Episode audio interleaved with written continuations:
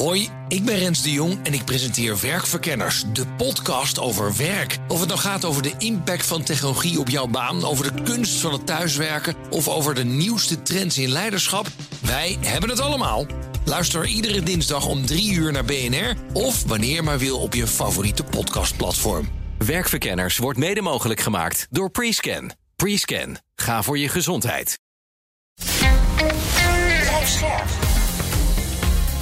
BNR Nieuwsradio. Napleiten. Wouter Laumans en Christian Vlokstra. En toen zijn er mensen aan boord gekomen. Peter zat toen op, de, op het toilet. En die, die hebben Dordana ja, gekneveld en uiteindelijk vermoord. En Peter eh, zwaar mishandeld en ook gekneveld. Dordana is toen overleden en Peter heeft het overleefd.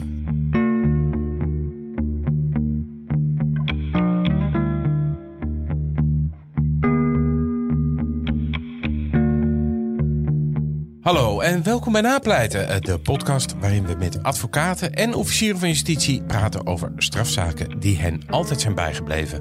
Mijn naam is Wouter Laumans en naast me als gebruikelijk strafpleiter Christian Vlokstra. Welkom Chris. Dankjewel Wouter. Even de huisregels. In deze podcast praten we over definitief afgedane zaken. En vanwege de journalistieke zuiverheid behandelen we ook geen zaken waar Chris op enige lijn eh, betrokken bij is geweest. Chris, in hoeverre kan jij voorspellen welke straf het Openbaar Ministerie gaat eisen tegen een cliënt die jij bijstaat? Ehm, nou ja, goed, je kunt het in, in de meeste gevallen nooit exact voorspellen. Ja. Kijk, een, een strafeis eh, heeft eigenlijk twee belangrijke elementen. Namelijk welke feiten worden er bewezen verklaard. Geacht hè, door het Openbaar Ministerie. En dan vervolgens ja, welke straf koppelen ze eraan.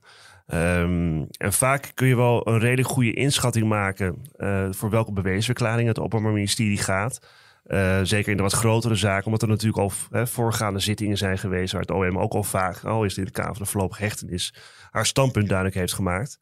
En voor, ja, voor, voor redelijk wat feiten kun je ook wel een beetje inschatten wat voor straf daarop staat. Mhm. hè? Dus ja, dat weet je ook vanuit jouw journalistenpraktijk. Hè? Een, een, een, een, een, een, een liquidatie, een koelbloedige moord. Nou, Ja. Wat krijg je daar tegenwoordig voor? Nou, zit je al bijna snel aan 18, 20? Ja, en soms wel meer. Hè? Even Ja. afhankelijk over iemand zijn, zijn strafblad en wat er nog meer eh, aan de hand is, 20 tot 25 jaar. Ehm, eh, dus in de meeste gevallen kun je dat wel een beetje inschatten. Maar goed, je, je kunt er ook wel eens heel erg naast zitten, als, zeker als het gaat om strafmaat. Hè, dat er opeens een veel hogere straf wordt geëist voor een bepaald feit. eh, dan jij dacht. Ja, goed. En je kunt er ook, als jij het idee hebt dat het Openbaar Ministerie voor een vrijspraak gaat. En ze gaan toch opeens voor een beweesverklaring. Ja, dan heb je natuurlijk opeens een hele andere zaak eh, voor ogen. Ik heb dat zelf, denk ik. Nou, misschien heb ik het wel eens een keer gehad hoor. In een zaakje, om het zo maar even te zeggen. Dat ik nu vergeten ben. Maar niet. Dat je dus opeens om je heen zit te, eh, zit te kijken van wat er ze gebeurt er nou nou. opeens- Vragen ze nou Ja, opeens een beweesverklaring? Nee, dat heb ik volgens mij in, in een beetje stevige zaak nog nooit gehad. Nou, we gaan naar de zaak van vandaag. Want die begint eigenlijk als een soort eh, droom. Want de Overijsselse Peter die is in 2015 samen met zijn vrouw Dordana op een jarenlange wereldreis gegaan met een zeiljacht, de Lazy Duck, in Colombia. Voor de kust van de tropische Rosario-eilanden loopt het echter helemaal mis. Op enig moment krijgt de kustwacht een bericht van Peter die zegt dat zijn vrouw om het leven is gebracht tijdens een roofoverval door piraten. Nou, de politie die komt en uiteindelijk verdenkt de Colombiaanse justitie Peter van de moord. Wat volgt is een zenuwslopende rechtszaak van bijna vijf jaar. Bij ons aangeschoven vandaag is de Amsterdamse advocaat Bob Vink. Welkom Bob. Dankjewel. En volgens, het, volgens de website van het kantoor waar je werkt spreek jij vijf talen vloeiend. Welke talen spreek jij allemaal vloeiend? Ik weet niet of dat helemaal waar is. gezegd, maar Oh, daar gaan we al. het gaat, gaat lekker in het Engels en in het Spaans vooral. Ja, Jij, jij, jij doet veel, eh, of- of jij deinst niet terug, tenminste dat staat op je website, voor complexe internationale zaken. Ehm, is dat een soort vak apart binnen de advocatuur? Ja, vind ik wel. Vind ik wel. Ik heb eh, jarenlang eh, eh, Nederlanders bijgestaan in het buitenland. Ja.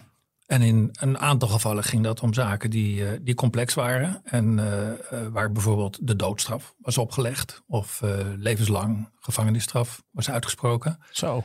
En de complexiteit zit er dan in. Dat meestal werd ik ingevlogen aan het einde van het traject.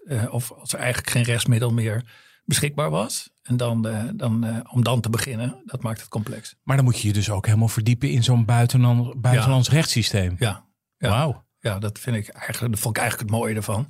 En dat je als een soort van, van geparachuteerd wordt in een, in een volkomen vreemd land. In Afrika of in China of in Thailand. En, eh, en dan eh, ja, op nul, met nul op nul begint. Je gaat oriënteren op het rechtssysteem en op, op, op, op, de, op de moorders. En eh, dan de mensen moet gaan leren kennen. En, en dat moet je eigenlijk ook in, in een heel kort tijdsbestek doen. Dan. Ja, en ook de omgangsvormen natuurlijk. De Morris, je zegt het natuurlijk Ja. zelf al. Ja. Maar, mag je dan ook echt als, als advocaat daar in die procedures optreden? Of was het meer als een soort adviserende advocaat op Ja, de nee. achtergrond? Nee, dat deed ik. Kijk, voor zover er daar nog wat te procederen viel, deed ik dat natuurlijk met lokale advocaten. Ja, ja. Maar goed, die moet je ook selecteren. En dat is eigenlijk eh, misschien wel de belangrijkste taak die je hebt. Dat Ja. je een advocaat selecteert op basis van zijn kunnen. Oh, je moet eigenlijk dan voor jouw cliënt een goede advocaat vinden. Ja, dat is vaak wel een van de, een van de taken die je dan op je neemt. Wauw. En dat werkt natuurlijk in het buitenland ook heel anders met betalingen en dat soort dingen. Want toch, dat, is, dat is vaak ook Dat natuurlijk is een altijd een ramp. Dat is altijd een ramp. Ja. In, in, in, in, in Verwegistan eh, eh, ben je het kip met de gouden eieren natuurlijk als eh, Nederlandse eh, gedetineerde. Wauw.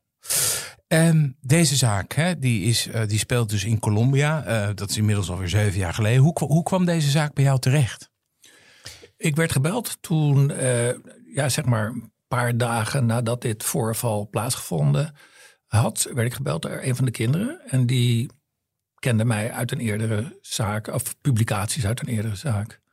Dus die dachten, ja, pff, hem maar eens proberen, denk ik. En, en wat, wat werd je verteld? Kende je, had je er toen al wel van de zaak gehoord? Nee, ik had niet van de zaak gehoord. Ik heb natuurlijk wel snel even gegoogeld en daar er was al het nodige gepubliceerd. Ehm, ja, wat dacht ik? Eh, was dat je vraag? Wat dacht Ja. je? Ja, ik, ik, ik dacht, eh, nou, dat is een interessante kwestie in ieder geval. Dat was denk ik een van mijn eerste eh, ehm, ideeën. Maar ik heb mezelf niet zoveel tijd gegund om daarover na te denken. Want die jongen belde mij. En ik heb eh, toen direct eh, gevraagd eh, om de, die advocaat ter plaatse... Om, om hem aan de lijn te krijgen. Met hem uitgebreid gesproken over de zaak.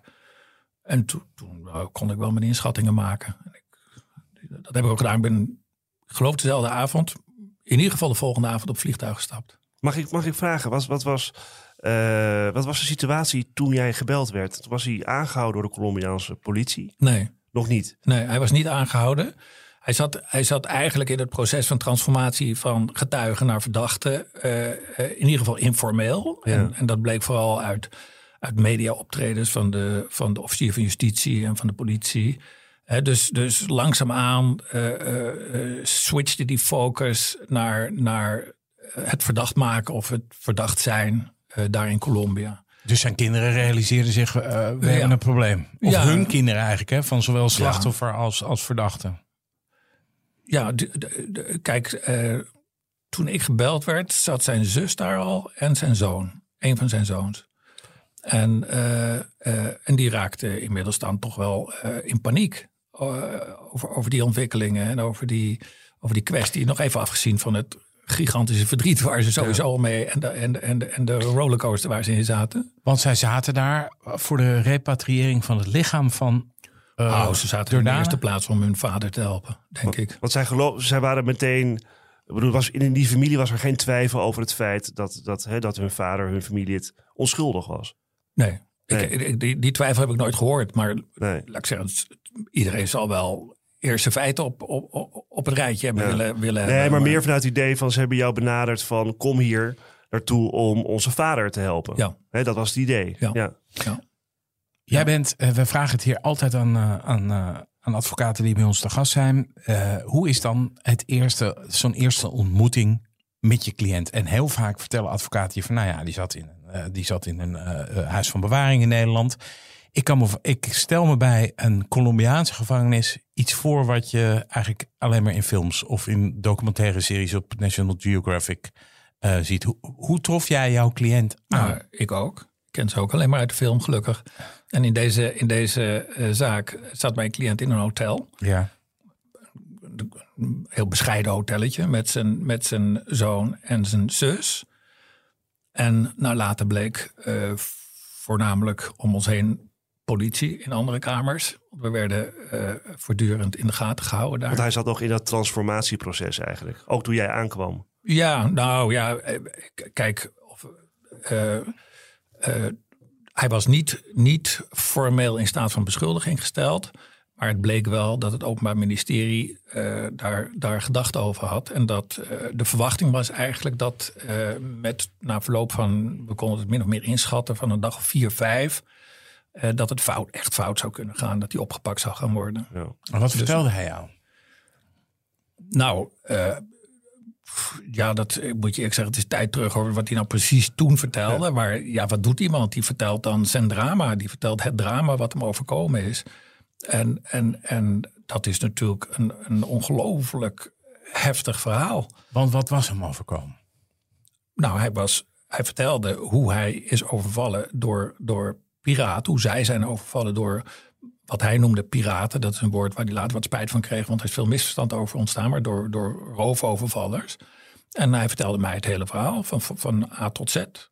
Eh, zoals je dat ook in het dossier kunt lezen en, en in de film kunt zien. Ja, Dat is, dat is voornamelijk wat hij, wat hij mij vertelde. En, en het is natuurlijk een interactie ook met, met de zoon en met, met de zus. En die vertellen dan hoe dat daar ter plaatse zich aan het ontwikkelen is. Kun je, kun je ons daar even meenemen daar naartoe? Van wa- wat er die avond gebeurd is. Hij ligt voor anker samen met zijn vrouw eh, op hun boot eh, voor dat tropische eiland. Ehm, wat was de sfeer aan boord van die, van die boot? Wat is daar gebeurd? Hoe heb Ja, jij dat begrepen? Ik, ik, ik, ik- dat eh, vertel ik ook in de film. Ik bedoel, je, als Je refereert aan een film die, die is gemaakt over Ja, er is- deze zaak. Die er is, is een ook doc- documentaire over gemaakt. En het is wel leuk om naar te kijken. Omdat, om, omdat dan zie je ook wat ik hier, wat ik hier wil betogen. Is dat het een, een, een ongelooflijk eh, vredige eh, eh, situatie is. Zo rond het middaguur. Men komt daar aan. Men gaat zwemmen. Men gaat snorkelen. Er worden foto's gemaakt. Die foto's die worden op de computer gezet. Dat zijn allemaal belangrijke dingen. Want die gaan een rol spelen om later in het dossier... om vast te kunnen stellen hoe, de zaken, hoe het tijdspad ook is geweest... en hoe de zaken zijn verlopen. En je ziet eigenlijk een heel, heel mooi, vredig, eh, rustig eh, eh, beeld ontstaan. En er worden spelletjes gespeeld, Rummy Cup. En, en op een gegeven moment zie je dan dat, dat Peter ehm, eh, ehm, zijn foto's gaat bewerken, op de computer gaat zetten. wordt ook geregistreerd op de computer. En dan zitten we al rond vijf uur, geloof ik. En je ziet dat Dordana eh het eten gaat maken. En zoals ik dat in die film ook vertel, dan bevriest de zaak eigenlijk. En dan breekt de hel los. Eh, eh, zo mag je het wel zeggen. Dus als later ook eh, de, de, de, zaken worden vastgelegd, fotografisch, dan zie je dat ook zeg maar bestorven in die foto's. Zie je die maaltijd die klaargemaakt wordt, die kreeft die daar nog ligt, die, die ehm, eh, ehm, groente die wordt aangesneden. En toen zijn er mensen aan boord gekomen. Peter zat toen op, op het toilet. En die, die hebben eh, ja, gekneveld en uiteindelijk vermoord. En Peter zwaar mishandeld en ook gekneveld. En Dordana is toen overleden. En Peter heeft het overleefd. Ja, want wat belangrijk is, je zegt het net ook zelf, en het is ook in de film, die is terug te kijken op eh, twee doc, eh, kan je dat eh, online vinden. Nou ja, dat is echt om even te zeggen, want, want Bob zegt het is wel leuk om die te kijken. Nou, ik kan hem de luisteraar zeer aanraden. ja, om, Lazy om Duck goed- heet die. wel, het is een prachtige documentaire, heel indringend. Ja. Ehm, eh, en laat ook goed, laat go- goed zien hoe zo'n proces kan ontstaan zoals het ontstaan is. Ja, dus totdat, totdat die eh, zeg maar overvallers aan boord komen, is het een idyllische vakantiesetting eigenlijk. Ja. Ehm, Peter die zit op het moment van die overval op de wc, eh, terwijl zijn vrouw dus aangevallen wordt. Wat gebeurt daar op die wc? Want hij wordt ook aangevallen, toch? Of, Hij wordt, hij wordt, eh, hij wordt zwaar mishandeld. Hij wordt eh, eh, eigenlijk ja, klem gezet door twee, twee figuren die hem zwaar mishandelen. En, en ehm, ja, er ontstaat een moment waarin hij denkt van nou ja, ik geef het op. Want eh, ik denk dat hij dacht, ik word vermoord hier eh, eh, op het toilet. Want hij heeft gevochten als een leeuw. want wat ik begrepen heb, is dat hij ook in zijn hand gebeten is. Ja, er is, hij is in zijn hand gebeten. Hij heeft geprobeerd het masker af te trekken van een, Ze waren gemaskerd. ja, van een van die overvallers. En daarbij is hij in zijn hand eh, gebeten. Dat is natuurlijk een ontzettend eh, eh, belangrijk gegeven geweest in het dossier. Kijk, het gaat natuurlijk om, om, het, om het verhaal van, van Peter, hè, de verklaring Ja. die hij heeft afgelegd. Hè, dus dat hij, dat hij zegt, ik word overvallen eigenlijk op het toilet. Hè, ik verdedig me, op een gegeven moment geef ik het op. Hè, ik, krijg, ik loop daar een bijtwond bij op. Op een gegeven moment geef ik het op. En, en Ja, je ziet, er is ook wel wat meer hoor. Want als je, als je ziet hoe de bloedsporen in dat toilet, eh, hoe die later nog eh, eh, aantonen wat, wat een enorme gewelddadigheid daar is, is toegepast. Wat een hoeveelheid geweld die daar is toegepast, dat, dat, daar ja, lusten de honden geen brood van. En als hij dan, als hij dan op een gegeven moment uit die wc komt, wat, wat, wat, wat treft hij dan aan en wat, wat doet hij dan vervolgens? Nou, op, op een gegeven moment wordt het betrekkelijk rustig. Zijn die kerels vertrokken. Dan weet hij zich van zijn ehm, eh, boeien te ontdoen. Van de touwen die die om zijn, waarmee hij gekneveld was. En eh, ik denk dat hij dat op het toilet nog heeft gedaan. En toen ging hij buiten. en Toen trof hij zijn vrouw aan. Die lag daar in de kombuis. Direct achter de, achter de wc-deur. Eh, lag hij op de grond. En die heeft hij toen geprobeerd te reanimeren. Want eh, eh, hij had ook een uh, stethoscoop bij zich. Kon ook haar hart onderzoeken. Eh, daar heeft hij zijn best in gedaan. En toen heeft hij moeten constateren dat het eh, hopeloos was. Ja.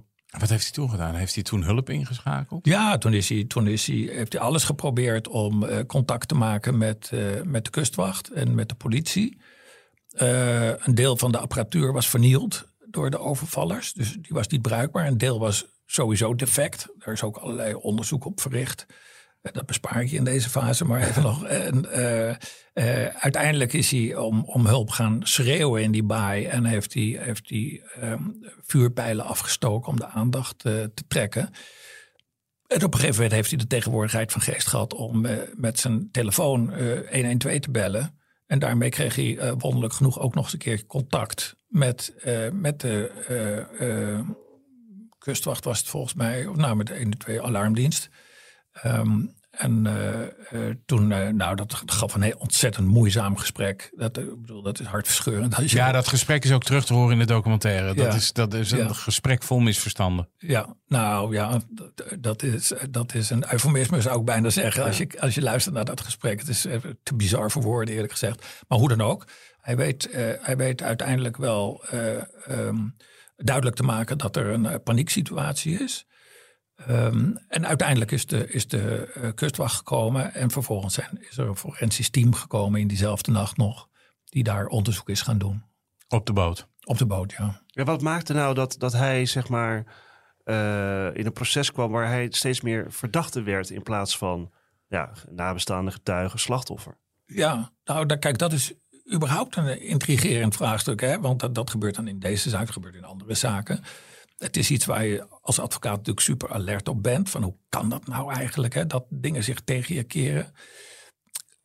De idee hier in Colombia was dat, dat eh, eh, het werd als ontzettend bezwaarlijk eh, beleefd dat, dat daar zoiets ernstig zou zijn gebeurd. Want dat was, gaf een enorme impact op het toerisme. Er waren eigenlijk niet van dit soort incidenten eerder in die omgeving. Ehm, eh, en daar was men heel erg bezorgd over. Eh, vervolgens er, eh, is er- zijn er ook allerlei misverstanden ontstaan in, in, in, in het onderzoek. Er zijn verklaringen opgetekend die verdraaid zijn geworden. Of waar, nou, zoals dat dan gaat, hè, waarin conclusies worden opgenomen alsof het verklaringen zijn. En langzaamaan ontstaat dan een soort van ja, kakofonie waarin mensen gaan bedenken van nou, het is eigenlijk heel anders dan wat hij daar vertelt. Ehm, ja, dat ontwikkelt zich zo daar. Was er eh, sprake van enig belastend bewijs? Was er veel gedronken? Of, of hadden zij een, een geschiedenis van ruzies met elkaar die uit de hand Ja, of gewoon DNA-sporen, gewoon Ja. biologische sporen op, Ja. eh, op het plaatsdelict zelf. Nee. Die wezen op zijn betrokkenheid als dader. Nou, er is geen, enkele, geen enkel verleden van, van agressie of, of geweld, geweld vastgesteld. tussen deze twee mensen. Die worden als een voorbeeldig, voorbeeldig huwelijk, wordt hun huwelijk geschetst. En dat vindt iedereen. Hè? Dat de kinderen, de vrienden. Er is hier een, een, een, een, een eh, referentenonderzoek uitgevoerd. Zoals ik dat nog nooit gezien heb. Ik geloof dat iets van 50 vrienden en bekenden eh, zijn ondervraagd op die relatie. Er is werkelijk niemand, niemand, niemand die daar iets lelijks over kon zeggen. Of belastend, moet ik dan zeggen eigenlijk. En die bijt, die, dat bijtspoor, dat was natuurlijk een heel belangrijk spoor. Want als dat niet, dat kun je natuurlijk zien aan een bijtwond van wiens gebit dat komt, toch? Ja, ja. Nou ja, er, er- spelen allerlei rare zaken in, deze, in, deze, in dit onderzoek. En die maakten mij ook heel bezorgd in, in, in aanvang. Want ja, ik, ik begon al wel al heel erg snel enorm te twijfelen over de integriteit. Aan de integriteit van de eh, Colombiaanse opsporingsdiensten. Of in ieder geval aan de kwaliteit van het onderzoek.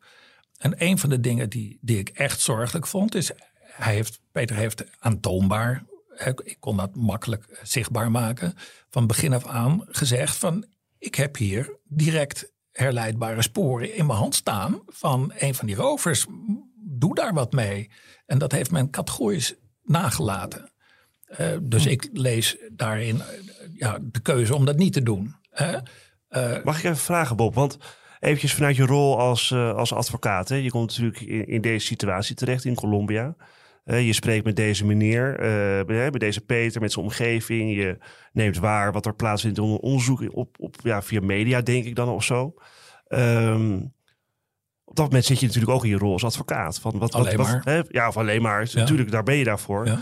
Wat, wat, dacht je, wat, wat kan ik hier nu doen? Wat gaan we hier doen? Heb je hè, de Nederlandse ambassade, consul, eh, druk op het politieteam? Wat, wat, wat? Ja, ik moet je eerlijk zeggen, helaas moet ik zeggen, in, in die fase van de strijd heb je niet zoveel aan, de, aan, de, aan het consulaat of aan, de, aan de Nederlandse vertegenwoordiging. Later wel hoor. Die, dat is echt wel een belangrijke eh, factor in, in zo'n zaak. Maar in die, op dat moment niet.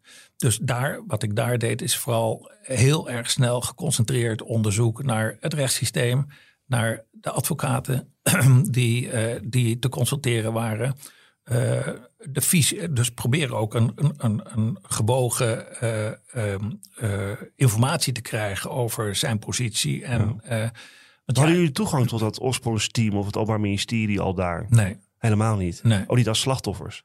nee, Nee. eigenlijk niet. Nee. nee. Op enig moment heb jij besloten, Peter moet het land uit. Je moet weg uit Colombia. Samen met je cliënt, neem ik aan. Ja, dat is, laat, laat ik zeggen, je maakt alle afwegingen, nietwaar? En eh, je zit daar drie dagen en je ziet hoe, hoe het heel erg mis kan gaan. Ehm, ik zei net, ik heb, niet, ik heb geen kennis van de eh, gevangenis in Colombia, maar ik heb me er wel even in verdiept toen, toen ik daar was. Ik heb wel gekeken, wat zijn zijn kansen en, en hoe ziet dat eruit? En dat was echt heel naar. Ik, ik, het was mijn inschatting dat als het mis zou lopen, dat hij, dat hij daar niet meer levend uit zou kunnen komen. Dat was mijn, dat was, was mijn vermoeden. En dat werd ook wel bevestigd door, door advocaten die ik daar ter plaatse sprak.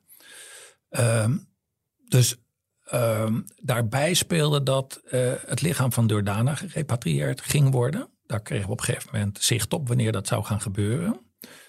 En ik moet eerlijk zeggen, we kregen ook wel heel erg vermoeden dat er op een bepaald moment ehm, een, een, een, de zaken zich echt tegen hem zouden gaan keren. En dat Met die- een aanhouding. Ja, dat die aangehouden zou gaan worden. En toen, toen ook omdat het toen nog kon, eh, hebben we toen wel bedacht van dan is het misschien verstandig om met Durdana terug te reizen naar Nederland. En hoe hebben jullie dat voor elkaar gekregen? Ehm, nou, eh, dat, dat heb je gezien in die film, hè?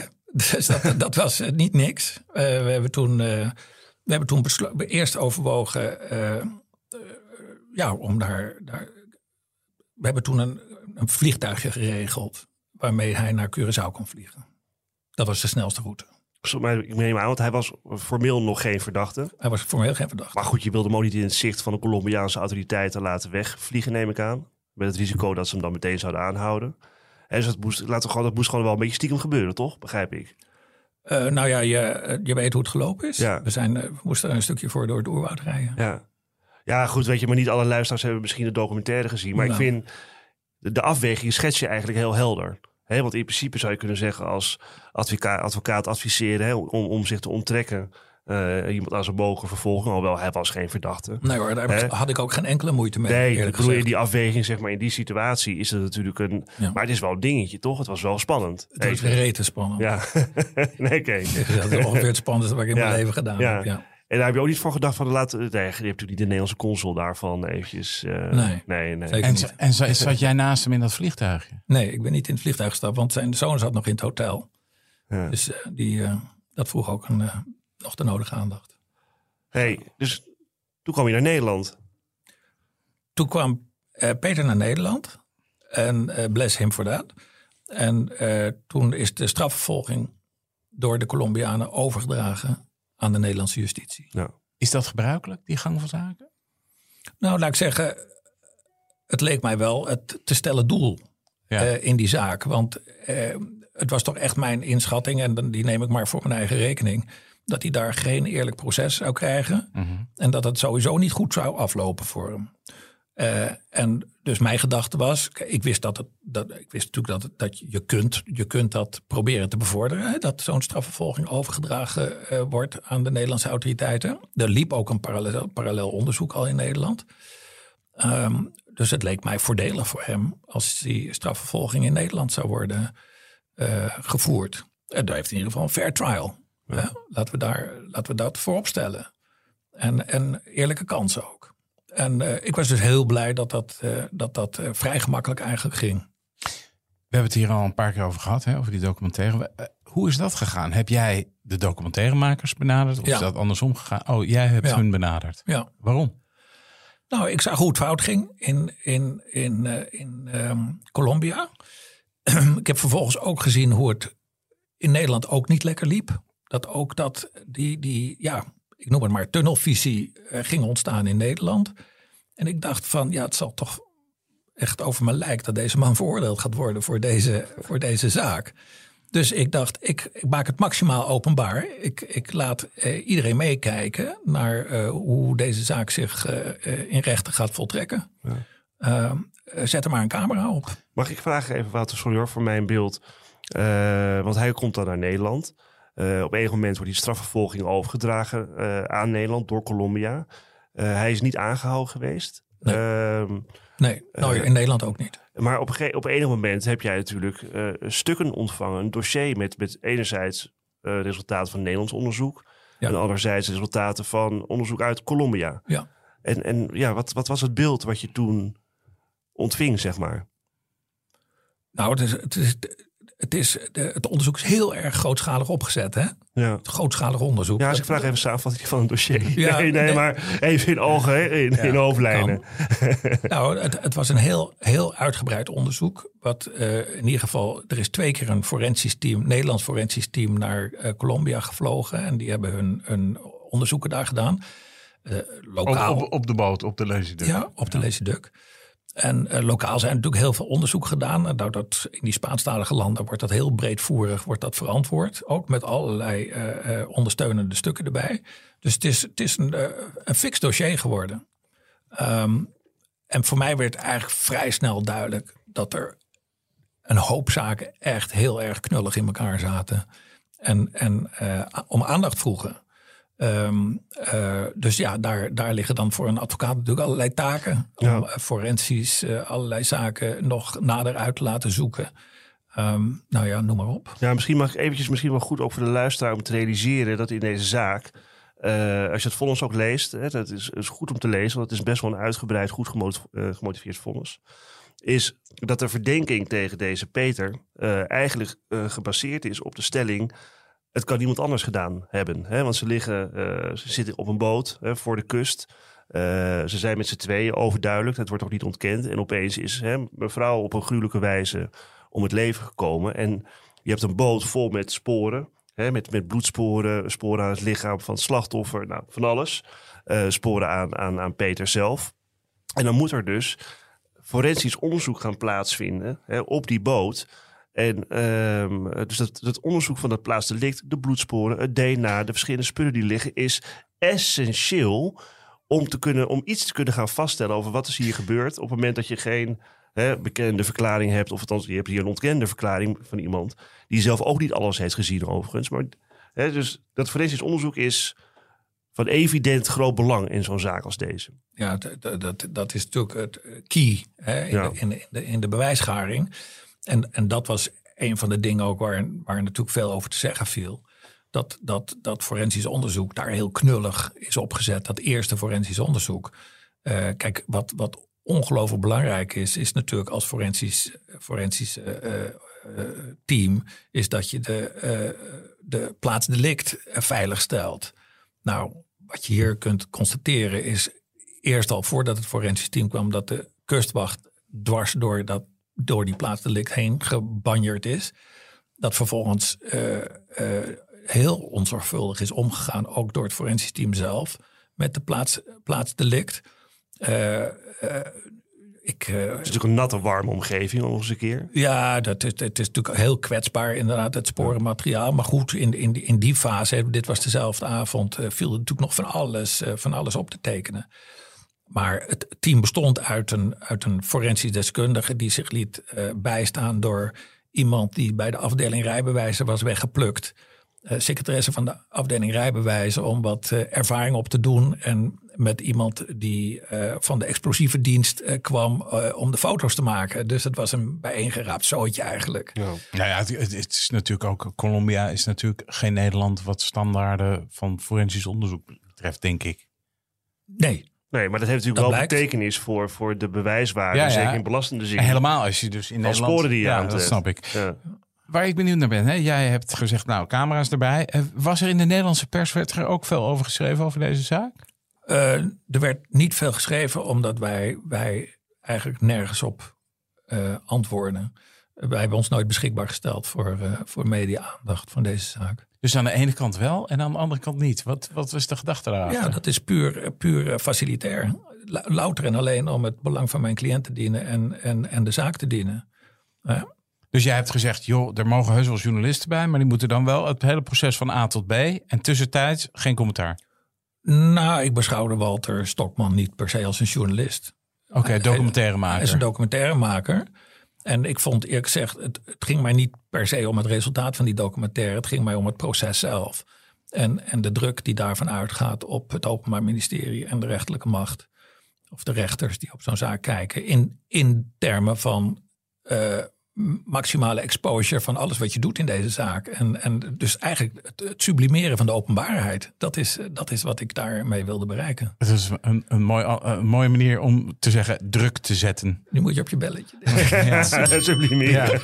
Ja. Van de openbaarheid. Sublimeren van de openbaarheid. Nou, Chris, leg hem uit. Mag ik vragen, Bob, van, eh, eh, je kreeg die forensische stukken uit, uit Colombia. Hè? Dan stel je vast op een moment, nou dat is allemaal niet eh, al te best verlopen. Je stelt vast, er is eigenlijk verder helemaal geen bewijsmateriaal. En er is gewoon een verklaring van mijn cliënt die ontkennend is. Hè? Gemotiveerd ontkennend. Ehm, op welk moment, je cliënt zit natuurlijk niet vast, hè? dat moet je ook realiseren. Hè? Vaak hebben we natuurlijk in strafzaak zitten mensen vast. Dan krijg je voor elke drie maanden krijg je een nieuwe zitting, krijg je nieuwe stukken. Hè? Dan, dan zie je Nou. ook hoe zeg maar, het opbouwwistie zich ontwikkelt in deze. Maar wanneer krijg je nou voor het idee van, hé, hey, dit loopt hier in Nederland eigenlijk ook helemaal mis, eigenlijk. Nou, laat ik, laat ik even Ja, sorry, heel inhaken snel, ja. op, op een paar dingen die je zei. Er, er, is, er is geen bewijs. Ik, ik vond al in een heel vroeg stadium, stelde ik vast dat er echt ontlastend bewijs in het dossier zat. Eh, dat vond ik heel belangrijk. Ehm, kijk, normaal gesproken maak ik me eigenlijk niet zo druk over de schuld of onschuld van mijn cliënt. Maar als je in zo'n zaak eh, materiaal vindt wat me echt vrijpleit, dan dat vergroot mijn enthousiasme wel. En wat was dat voor jou, dat ontlastende materiaal? Nou, het staat vast. Het staat vast dat Peter eh, naakt op het toilet zat. eh, toen hij werd overvallen. En eh, wat, je, ja, wat mij betreft is dat volkomen objectief materiaal. Wat je ziet is dat, wat ik al zei, hij is daar stewig mishandeld. Dus dat, dat hele toilet zat onder het bloed, de wanden en de pot zelf ook. En dan zie je dat in zijn bloed is eh, een print gezet van textiel. Eh, hij zat naakt op, op het toilet. In zijn bloed is een print gestekt, ge- gezet van textiel. Dat betekent dat er iemand, toen dat bloed over het toilet liep, of, of in ieder geval vers op het toilet zat, met textiel tegen, tegen die pot aan is gaan staan. En ehm, tegelijkertijd werd er ook een print gezet in het bloed van Dordana notabene in het toilet tegen de achterwand van het toilet.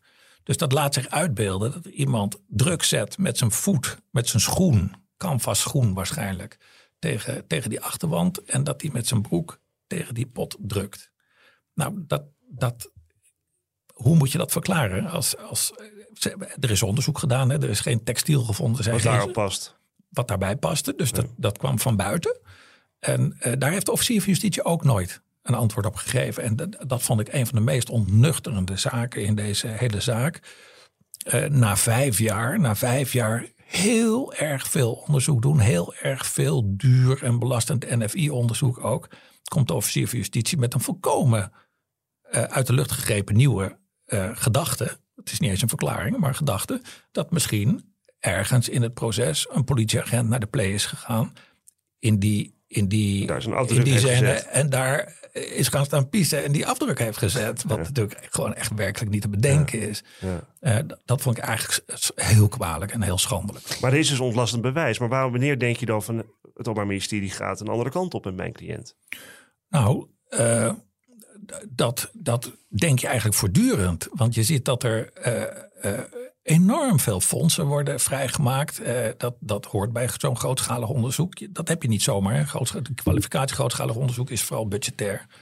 Eh, twee keer naar eh, Colombia gevlogen. Maar werkelijk iedere mogelijke belastende gedachte is helemaal uitgemolken bij het NFI.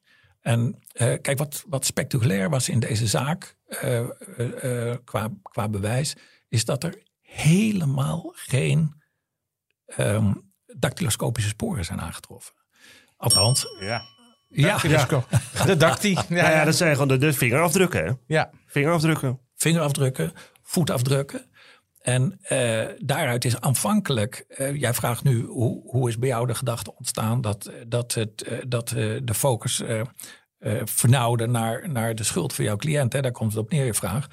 Eh, wat, je, wat je zag, is dat aanvankelijk werd door het Openbaar Ministerie onderzocht, en heel nadrukkelijk door het eh, opsporingsteam onderzocht, of Peter de boel schoon had gemaakt. Want hoe laat het zich anders verklaren dat er geen dactyloscopische sporen zijn aangetroffen?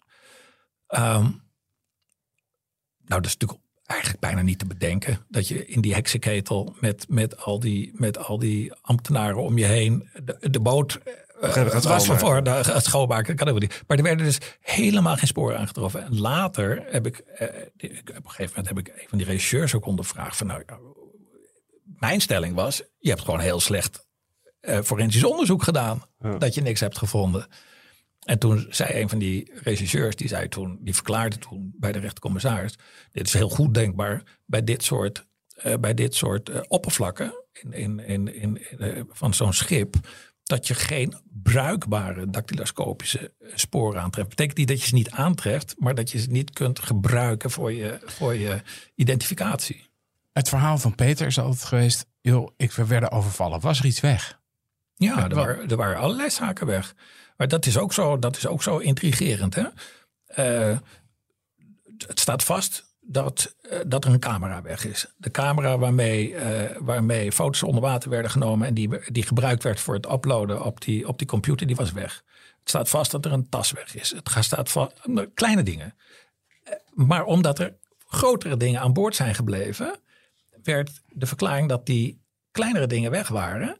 die werden als het ware weggepoetst. Ja, want er was nog een grote ta- een tas met een stevige som geld. Die lag nog aan boord, toch? Ja, en de computer lag er nog. Er lag nog van alles. Hoe deed Peter het op zitting? Hoe, de- wat voor man is hij? Want eh, ik, eh, dan komen we Nou toch ja, weer... laat mij even dat laatste puntje afmaken. Ja. Eh, want wat doe je daar dan mee? Als officier van justitie vraag ik me dan af. Hoe ga je dat nou wegredeneren dat die kleinere zaken wel weg zijn? Ja. Nou, dat werd gepareerd door te zeggen dat die grotere zaken niet weg waren. Dus dat is een soort van omgekeerde wereldredenering. Waarvan ik steeds heb gezegd van ja, maar daarmee heb je nog niks gezegd over de dingen die wel weg zijn. Dus daar was de enige denkbare verklaring. Nou, die heeft hij dan maar weggemaakt op enig moment. In het water gegooid. In het water gegooid. Ja, maar die- ja, goed, uit het vonnis lees ik ook. Ze hebben gedoken rondom de boot. En ze hebben nooit niets van die spullen kunnen terugvinden. Ja, maar jij vraagt nou hoe, hoe, krijg, hoe krijg je nou het gevoel dat de zaken zich dan toch eh, tegen je eh, cliënt keren? Door de manier waarop geredeneerd werd met betrekking tot het bewijs. Tot, tot op de zitting. Ja. Want op de zitting, we hebben het net gehoord over die prins. eh, eh, en dat dat er misschien dan uit de lucht gegrepen na vijf jaar. eh, dat dat misschien een, een politieambtenaar was. Maar met betrekking tot, ehm, tot dat duiken wordt gezegd van nou ja, er is wel gedoken. Maar we weten natuurlijk niet hoe goed gedoken is. Hoe goed er gedoken is, zegt de officier van justitie. Maar kijk, wat hier gebeurt, Wouter, als ik, als ik mag, eh, Bob, Ja. als we eventjes van, van, van buiten, hè, als ik, want ik heb dat vonnis gelezen, ik heb die documentaire gezien. Ehm, wat hier gebeurt, is fascinerend. En dat zie je wel vaker in, in, in dit soort zaken. Hè, waar, zeker waar grote belangen spelen. En Kennick speelde hier grote belangen. Buitenlandse belangen misschien ook. Hier misschien ook wel buitenlandse belangen, maar je kunt het ook hebben in zaken hè, waar, waar, waar gewoon veel tijd en energie in zit. En waar op een gegeven moment een, een bepaald scenario, een, een schuldig scenario hè, vanuit politie en OM, dwingend wordt. Eh, en je kunt niet helemaal achterhalen waarom dat nou zo dwingend is geworden. Hè? Want in principe moeten ze natuurlijk openstaan voor alle scenario's, want het gaat om objectieve waarheidsvinding. Maar op het moment dat men eenmaal op zo'n scenario is aanbeland, Ehm, wat je dan vervolgens krijgt, is dat bevindingen die in strijd zijn met dat scenario, die worden weggerelativeerd en weg beargumenteerd en soms op de meest bijzondere wijze. En dingen die in lijn zijn met dat scenario, die worden, ook al zijn het de minimale dingen die meerdere betekenis kunnen hebben, die worden enorm opgeplust ten einde dat scenario maar dwingend te laten worden. Dat zie je eigenlijk hier ook heel sterk gebeuren, wat mij betreft. Ja, in de overdrive wat mij betreft. Want ik, ik vond het echt, telke malen vond ik dat echt een zwaktebod. Als dat eh, in het requisitor terugkwam, dan dacht ik, ja, nu weer gewoon wel te laat met je... Ja, want heb jij enig idee waarom dat zo is gebeurd? Heb jij het idee dat er bijvoorbeeld diplomatieke belangen achter zitten? Dat er, heb jij daarover nagedacht? Natuurlijk heb je erover nagedacht. Wat is je gedachte daarbij? Nou, kijk, voor mij ehm, eh, op het laatst, eh, ik heb me wel afgevraagd waarom de officier van justitie er met zo'n gestrekt been inging in het requisitor. Want ik, ik zeg ook in die, in die film, ja, ik refereer steeds aan die film, omdat dat een document is wat je nog eens een keer na- kunt raadplegen. Zeker. Zeg maar, als Luister soort- nu eerst de podcast kijk daarna vervolgens. ja, ja.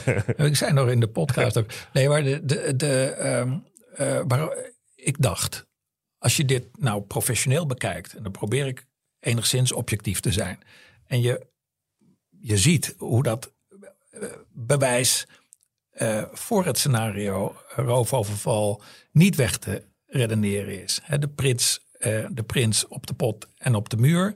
Het gegeven dat er zaken wel verdwenen zijn. En zo zijn er nog wel een aantal zaken te noemen. Ja, hoe kun je dan als officier van justitie de overtuiging gaan uitdragen in je requisitor dat die doodslag dan wel gepleegd is? En en, en dat, dat vond ik, dat vond ik een, een eh, mo- moeilijke zaak. Zijn er belangen geweest in jouw visie? Of heb je daar een gevoel bij? Wat denk je daarover? Ja, er zijn natuurlijk altijd belangen. Kijk, dat die zaak werd overgedragen aan Nederland, dat is op zichzelf al een belang natuurlijk. Want dan daarmee wordt de verantwoordelijkheid ook overgedragen. Nou, dat, dat, de keuze om dat te doen, die, die voltrekt zich in een diplomatiek spel.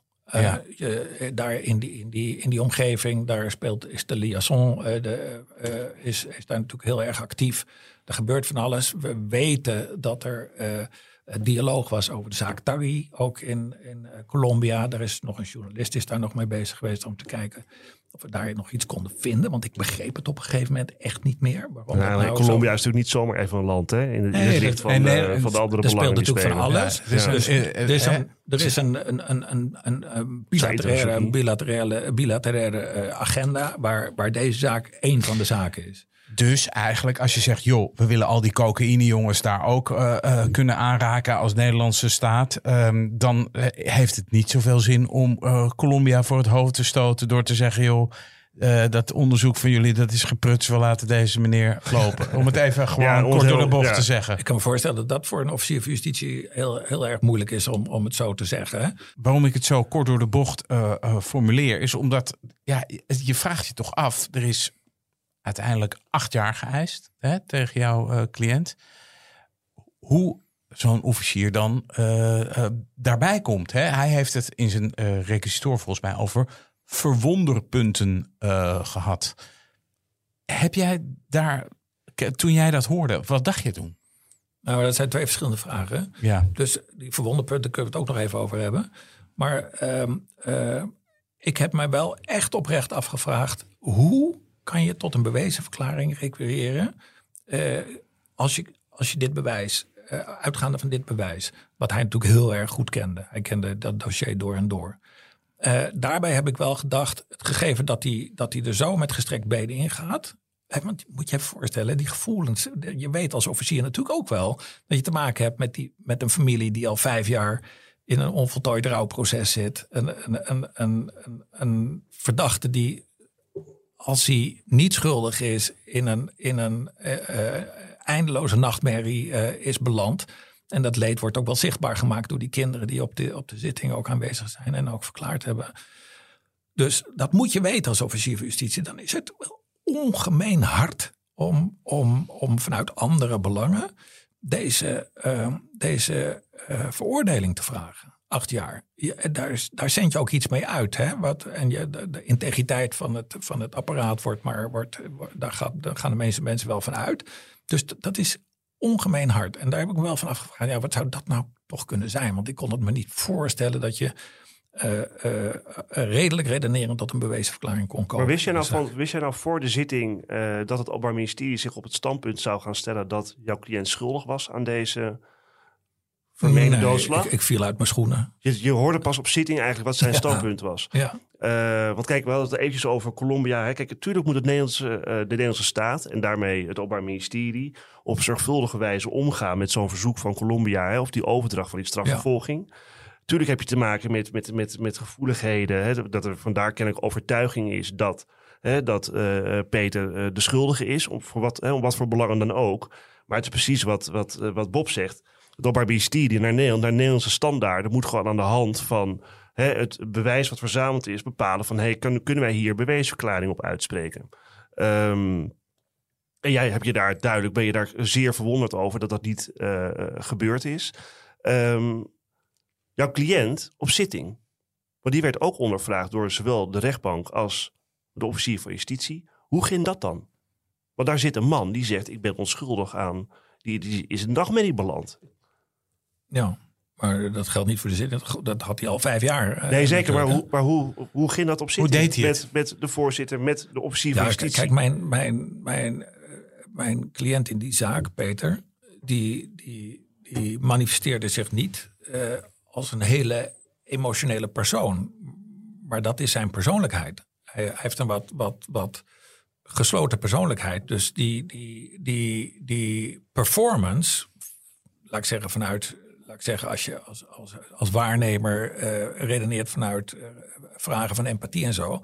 Die, die performance was, was wat kil eh, in die zaak. Maar ik heb niet de indruk dat de rechter daar zich. Eh, dat hij daar moeite mee had of zo. Want er lag ook een psychologische rapportage waarin wel wordt uitgelegd wat, wat, voor, wat zijn persoonlijkheid is. Hij was een beetje introvert, hè? nou ja, wat introvert. En, en, en, en, en daar worden dingen over gezegd die je niet zo leuk vindt om te horen als, eh, als, eh, als betrokkenen. Maar die wel een hoop verklaarden over iets waar andere mensen zich misschien wat over zouden kunnen verwonderen. Eh, maar laat ik zeggen, dat, het, was, het voor hem een gruwel natuurlijk om daar te zitten. Wat denk je? En dan zeker om te horen dat er acht jaar geëist wordt. Dat is, ik denk dat dat het, het, nou ja, dat is een van de meest slechte momenten geweest eh, in zijn En de, Nou. ondervraging door de officier van justitie. Want ik heb de beelden gezien van, eh, van de documentaire. De, de voorzitter hè, ondervraagt hem rustig. Ik heb niet zoveel beelden gezien volgens mij van de officier van justitie. Was dat een harde ondervraging? Want die was kennelijk overtuigd van zijn schuld. Om weer terug te komen op, eh, op eh, eh, hoe die officier erover gedacht zou kunnen hebben. Nee, maar meer dat is voor, hoe- als het gaat om zo'n zitting. Het is al een nachtmerrie. Het is verschrikkelijk om zo'n zitting door te moeten maken. Als je dan nog best wel scherp en hard wordt ondervraagd door de officier Nee, van justitie. dat is kan niet best, gebeurd. Dat is niet gebeurd. Nee, dat is eerlijk gezegd niet gebeurd. Nee. Wat was nou de kern van jouw eh verweer? Gewoon, eh, er is geen materieel bewijs voor. Nou, ik, ik heb vier uur gepleit hè, in die Ja, zaak. ja. Dat, dat was Ja. helemaal niet nodig hoor. Want als ik het in een kwartier had gedaan, had was het waarschijnlijk hetzelfde resultaat gegeven. Maar maar ja, je weet... Je moet wat. Nou ja, je wil, je wil ook geen, enkele, geen enkel argument onbenut laten. Mhm. Ik geloof dat ik wat te, te breedvoerig ben geweest, eerlijk gezegd, in dat eh, pleidooi. Eh, eigenlijk, maar als je het nu zo vraagt, is de kern van mijn argumentatie geweest. Er is bewijs voor het feit dat hij het niet gedaan heeft. Dat is best veel, hè? Want Ja. vaak moet je, eh, vaak gaat het discours gaat erom om eh, te betogen, er is onvoldoende bewijs dat die eh, een bepaald, dat een verdachte een bepaald eh, feit heeft gepleegd. Hier had ik de comfortabele positie dat ik aan kon tonen dat er wel rovers op het schip zijn geweest. Ja, dan ben je eigenlijk klaar toch, zou je denken. Dat ben je niet natuurlijk, want vervolgens moet je 20.000 eh, eh, argumenten van het tegendeel gaan weerleggen. Maar ja, ik voelde me wel comfortabel eerlijk gezegd. Ik moet je ook eerlijk zeggen, ik moet iets, hier, kan je hier iets toevertrouwen? Ik had het pleidooi een jaar voor de zitting al geschreven. Oh, echt? Ja, een jaar voor de zitting heb ik pleidooi geschreven. En dat, daar waren twee redenen voor. Eén, ik wilde aan de kinderen van Peter en aan Peter zelf ook laten zien wat onze argumenten waren. Dus heb ik in een heel vroeg stadium heb ik het helemaal uitgeschreven. Dat, zo, dat zij het comfort konden voelen ook van eh, wat het zou gaan worden op die zitting. Dat scheelde een jaar spanning, denk ik, voor een deel. Eh, maar twee, ook eigenlijk mijn ervaring. Ik heb 35 jaar strafzaken gedaan. En elke keer was het weer hetzelfde. Als ik naar de zitting toe leefde en het pleidooi uiteindelijk op moest geschrijven. dacht je, verdomme, dat argument. dat had ik nog wat beter, Chris herkent dit. beter uit kunnen diepen. En hier had ik het heerlijke voor. Het heeft me enorme rust gegeven. Want mijn stress was beperkt tot de eerste tien minuten van mijn pleidooi. En daarna viel het van me af. Ja. eh, dat ik het verhaal ook werkelijk kon dromen.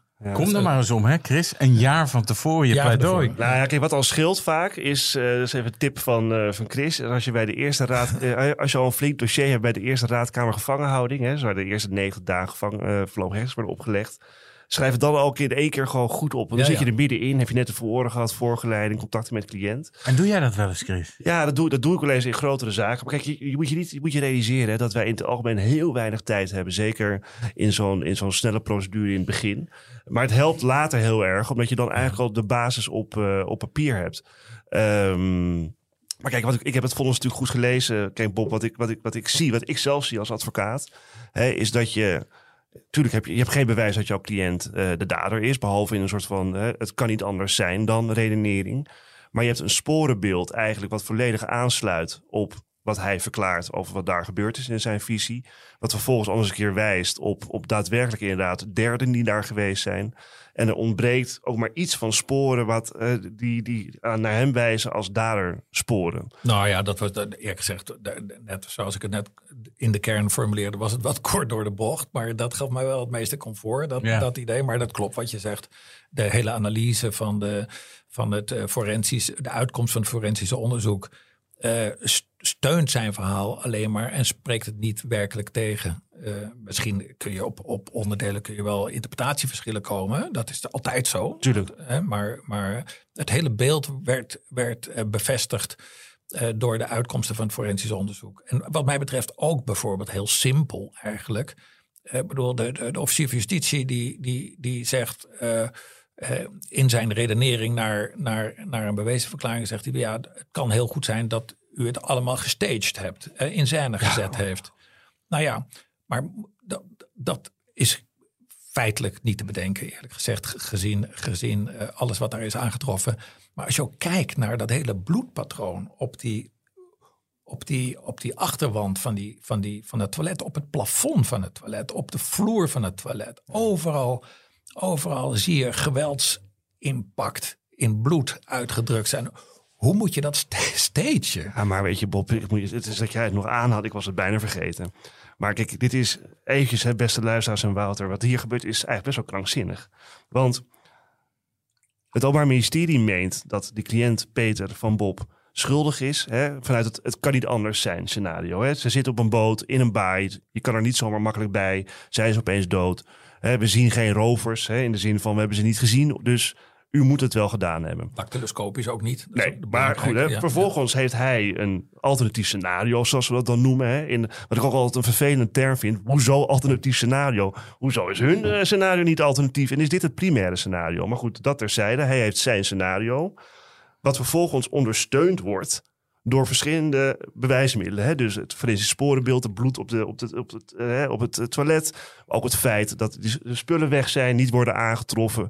Alles wat hij verklaart voor een belangrijk deel wordt ondersteund. En het blijven een paar vragen onbeantwoord, maar dat is altijd zo. Ja. In plaats van het Openbaar Ministerie zou je dan moeten zeggen... oké, weet je, die, bij die stand van zaken heeft hij zijn scenario... is voldoende aannemelijk geworden, dus hij moet worden vrijgesproken. Maar dan komt er dus nog een soort van overtreffende trap. U heeft het in scène gezet. Ja, weet je... Als je daar, als, je, jij in die, als, jij in breken, die, als jij die molen terechtkomt... en dan kan er druk zijn vanuit Colombia, het, het zal allemaal wel. Maar uiteindelijk staat daar een openbaar ministerie... wat moet staan voor onze rechtsstaten. En onze bewijsvoering en onze eisen aan een eerlijk proces... die wij hier stellen. En als dat niet gebeurt... Weet je, ben je niet boos geweest ook? Nou ik ja. zou razend worden op een Luister, je gegeven vroeg, je vroeg net, waarom, heb je er, eh, waarom heb je Walter Stokman eh, erbij gehaald? En ik moet je eerlijk zeggen, daar, De documentairemaker. de documentairemaker, eh, waarom, eerlijk gezegd, eh, kende ik Wa- Walter. We hebben eerder een, een film gemaakt over een zaak in, in Afrika, de West Lusaka Man. Ook, eh, ook te vinden op, eh, op het internet nog wel.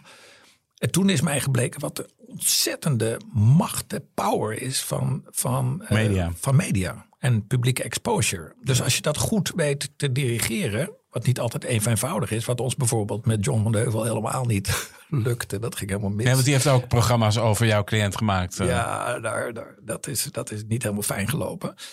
Eh, maar als je dat goed weet. Maar die had jij niet ingeschakeld? Die, Nee. nee, nee, Oké, Nee. die is op eigen houtje. Ja, nou, de, in een heel vroeg stadium. En toen is de keuze van, van Peter en de familie geweest: van wij willen de daders vinden. Dus daar was het programma op gericht. Ah ja, En daar wilden ze wel aan meewerken. En dat is een fout geweest van hun. Dat hadden ze niet moeten doen.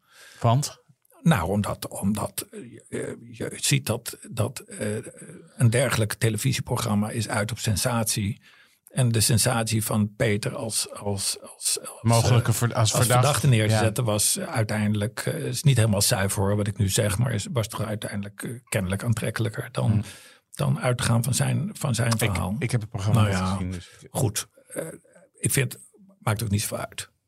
Dat, heeft he- heel erg veel leed toegevoegd eh, eh, aan het toch al zo onmenselijk grote leed. Maar dat gezegd hebbende. Het vonnis. Wat, wat werd het? Hij is uiteraard vrijgesproken. Ja, het is mooi hoe die erbij kijkt. hè. Ja, Ja. De, de mensen die... die eh, Ja, hij kijkt soms even dat je dat nog afvraagt. Ja, dat je dat nog afvraagt. ehm, eh, ja. Hoe, hoe- was, en dat is voor onze luisteraars, hoe was de sfeer daarna? Was dat een ontlading? Wat, wat, wat gebeurde er toen met Nee, hem en zijn familie? Nou, uiteindelijk wel een ontlading natuurlijk. Weet je wel. Ik bedoel, de, de, de, de- niet op de zitting. Op de zitting was een soort van, soort van berusting eigenlijk. Eh, ik denk dat niemand, niemand rekening heeft gehouden, werkelijk rekening heeft gehouden met, met de mogelijkheid dat er een veroordeling zou komen. Ehm, ondanks de eis van de officier van justitie. Dus er was wel een soort van berusting. Er was geen euforie. Eh, Ja, maar wat ook- wil je in zo'n drama? Het Nee, is natuurlijk een drama het drama is te groot om, Ja. te- om, om, Ja. eh, om, om, om, om, om te vieren, zou ik maar zeggen. De uitkomst Ja. van zo'n zaak te vieren. Maar de, de opluchting was later, is, is daar natuurlijk wel, is die opluchting wel heel erg groot, groot geworden. En ook omdat, ja, dat kun je je ook wel voorstellen, de familie dan ook een punt kan zetten. En, en, en, en tot een vorm van rouwverwerking kan komen die, waar ze eigenlijk geen gelegenheid voor, voor hebben gekregen. Dat is to- toch een gruwel van deze zaak. Ja, want aan zijn vrijspraak kleeft natuurlijk een heel duister randje. Namelijk, de echte daders, Ja. die zijn dus niet gevonden. Nou, die zijn niet gezocht. Nee. Het is niet dat ze niet. Ik bedoel, het is zeker dat ze niet gevonden zijn, maar ze zijn vooral niet gezocht. Want eh, wij hebben in een heel vroeg stadium hebben we eh, een aantal, aantal zaken in werking gezet om, eh, om, eh, om, die, om, om tips te krijgen. Eh, Dus er, zijn, er is een beloning uitgeloofd voor mensen die een tip zouden kunnen geven. We hebben lokaal met, eh, met de media gesproken. Er is, eh, er is in de kranten is er aandacht aan gegeven. En op een gegeven moment hebben we ook een paar namen eh, doorgegeven gekregen. Waar we eh follow-up eh, voor hebben gevraagd bij het Openbaar Ministerie in Colombia. En uiteindelijk is men niet achter die daders aangegaan met de volkomen idiote argumentatie dat op het moment dat men dat wilde gaan doen, de marine wilde uitvaren naar het eiland waar deze kerels zouden verblijven. Eh, toen is, eh, het staat in het dossier, het is lachwekkend, maar toen eh, eh, was de benzine op. Hm. En toen, kon, toen konden, de, konden de boten niet uitvaren. En toen is er, dus er is nooit wat mee gedaan. Ik kan overigens de luisteraars, dat doe ik wel vaker, maar ook nu in dit geval, lees dat vonnis. Hè, die, die zetten we in de show notes. Ja, Want er wordt ook eh, door de rechtbank heel helder uiteengezet. Hè, aan de hand van, van wat er voor het de- delict is gebeurd ten tijde en na het delict. Hè, waarom zij uiteindelijk tot de conclusie komen dat, eh, dat, het, eh, ja, dat er punt 1 geen bewijs is. Maar dat er dus ook gewoon een, een, een alternatief scenario ligt van de verdachte. Dat ondersteund wordt door tal van belangrijke sporen.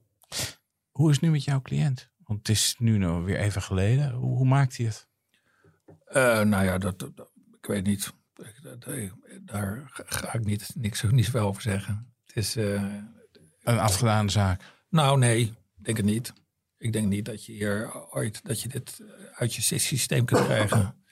En ik, ehm, bij die, eh, ik denk, ik denk dat die, dat, eh, dat is een beetje speculatief, maar ik denk dat als je dit je overkomt, dat je dan gebankeerd bent Ja, dat is. voor de rest van je leven. Hoe kijk. niet, niet alleen de rechtszaak, hè? Ook, ook, ook de moord. Nee, het is een. Op- Het op is een in, com- in combinatie. Hè? Dat denk ik ook. Dus de, grap is, eh, niet, het is helemaal niks, niks grappig, maar wat ik, wat ik er wel over kan zeggen vanuit mijn eigen beleving. Ik, ik, ik, ik beleef zaken betrekkelijk intens, moet ik wel eens toegeven. Eh, maar eh, ik vertelde ook bij de, bij de documentaire van die film, vertelde ik, eh, omdat ik iets moest zeggen, dat, daar ook niet zo van om zo in de, in de, in de maar ik moest iets zeggen. Dus toen, toen heb ik de mensen toevertrouwd dat ik in de eerste, nou, denk tien jaar dat ik advocatuur heb gedaan, dat ik een terugkerende nachtmerrie had, waarbij ik zelf ervan werd beschuldigd dat ik iemand eh, gedood zou hebben. Ehm, en eh, dus ik kon een heel klein beetje invoelen wat het betekent om in die positie te zitten. Ik werd dan gelukkig weer wakker en dan eh, kon ik het van me afschudden. Maar die, die heeft me echt lang achtervolgd. En het aardige is dat ik verschillende advocaten heb gesproken die dat ook hebben gehad. Die ook, dus die, dat je zo, dat je je zo identificeert met het thema waarbij je mee bezig bent als advocaat. Dat het, eh, dat het je gaat plagen in je, in je, in je onderbewustzijn. Hè? En, eh, nou ja, Bob Vink. Wat een Ja. verhaal. Ja, bedankt voor, bedankt voor dit verhaal. En bedankt voor je komst eh, naar onze studio. geen dank. Dit was Napleiten. Het vonnis in deze zaak is na te lezen op rechtspraak.nl en staat in de show notes van dit programma. Mijn naam is Wouter Laumans en naast me zit co-host advocaat Christian Vlokstra. Deze podcast is te beluisteren op Apple Podcasts en Spotify. Vergeet u vooral niet te abonneren, dan bent u op de hoogte als er weer een nieuwe aflevering online staat. Verder zijn we te volgen op Twitter en Instagram. Dank voor het luisteren en graag tot de volgende keer.